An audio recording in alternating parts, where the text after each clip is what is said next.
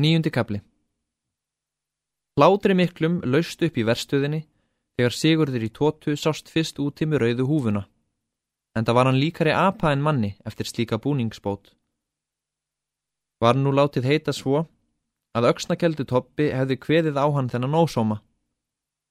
Sumum datt þó einnig hitt í hug að Sigurður væri orðin eitthvað geggjaður. En Sigurður sannfæði menn brátt um það að hvorugt var rétt.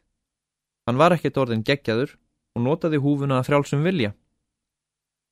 Aldrei hafði menn séð likja betur á honum en þessa dagana. Hann skaut við grönum og glotti er menn hættu hann mest fyrir húfuna og hann, sem þekktur var að því að vera allra manna spjærhættastur, let nú ekkert spja á sér hrína. Hæðnin út af húfinni dróst upp og dó á fám dögum. En svo bast það út, þótt látt færi, að Ólafur gamle Örnólfsson hafði orðið fyrir misthermingum. Við það sljákaði í sumum hláturinn. Já, nú vissum enn það, ef menn höfðu ekki vitað áður, að þeir tótufeðkar hemdu harma sinna grimmilega. Þegar þeir hittust, tótumenn og raunbótarmenn, töluðust þeir við eins og þeir höfðu áður gert rétt eins og ekkert hefði á milli borið. Þeir höfðu aldrei verið óþarflega orðmarkir hvori við aðra og voru það ekki heldur nú, en hverju þeirra voru ekki stittri en þær höfðu verið. Og ekki voru þeir hraunbótarfeðgar í miklum vafa um það að Sigurdur og sínir hans hefðu allan huga á að hefna sín. Þess vegna voru þeir varir um sig, en engum höfðu þeir vakandi auga á toppa.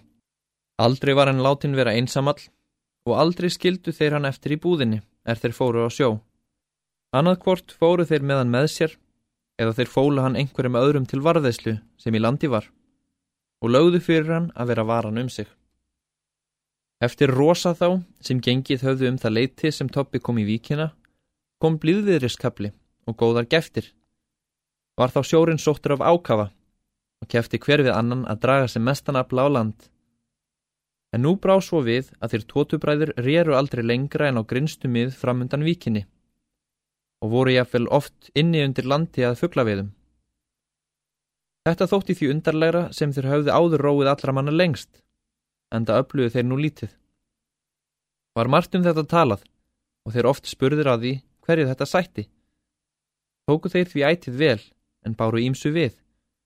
Engum voru það hraunbótarfeðgar sem gerði rópaðum fyrir þetta Fáðu þeim nú gengin hug, er þeir þyrðu ekki að sækja á djúpmið sem aðrir menn og brindu þá fast.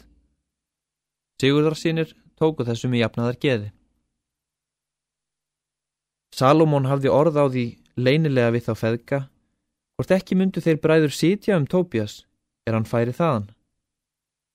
Þeir kváðu það yngri átt geta náð, því hæglega geti einn maður færi allra sinna ferða um raunnið án þess að sjást nokkuð tíman frá sjónum og þótt hann sæjist einhver tíman, erði hann alls ekki þektur. Salomón fann að þessi skýring var á nokkrum rökum byggð og talaði ekki meira um þetta. Loks kom að því að Tóbias þóttist ekki myndu verða fleiri gæða aðnjótandi í víkinni og bjóð sig til brottferðar. Dægin sem hann hafði ákveði til fararinnar var besta veður. Rýru þeir feðgar þá tveir einir en Salomón mæltist til að fá að vera í landi og fylgja toppa úr gardi. Trúði engum betur til þess en sjálfum sér. Þótt ekki væri hann mikil fyrir sér. Letu þeir feðgar þetta ljúflega eftir. Þeir sigurðarsinnir hafðu róið um morgunin, eins og vant var.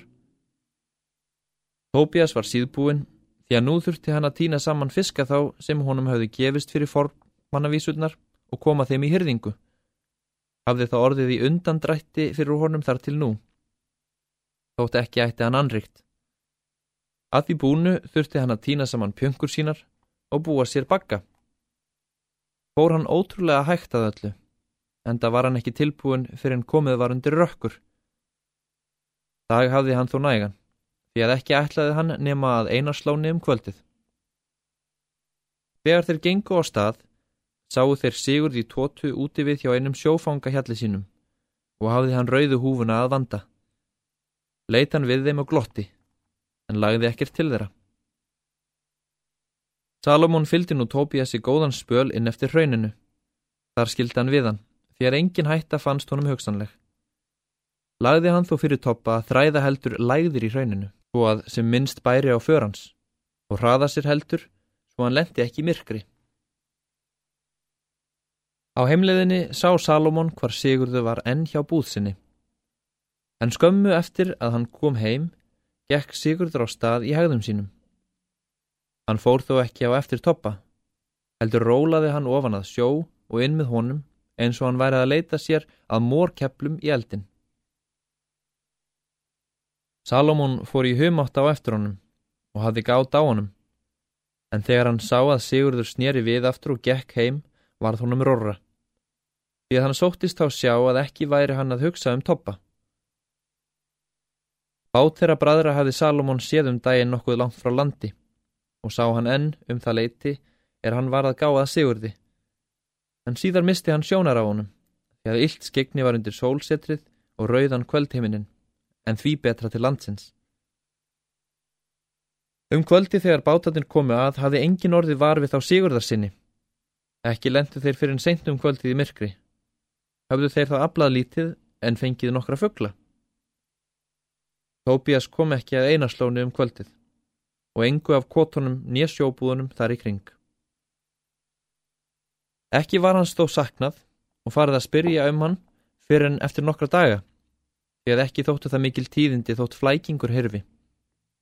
Engir heldur spurnum fyrir um toppa þessu sinni nema þeir hraunbótarmenn og þegar það fréttist að hann hefði ekki til byggða komið Fengu þeir menni lið með sér og hófu leit eftir honum. Toppi fannst þá rekin af sjó undir hraunbrúnunum, spölkort fyrir utan einaslón. Svo var líkið skattað af marfló að ekki var unnt að sjá hvort á því væri nokkrir áverkar.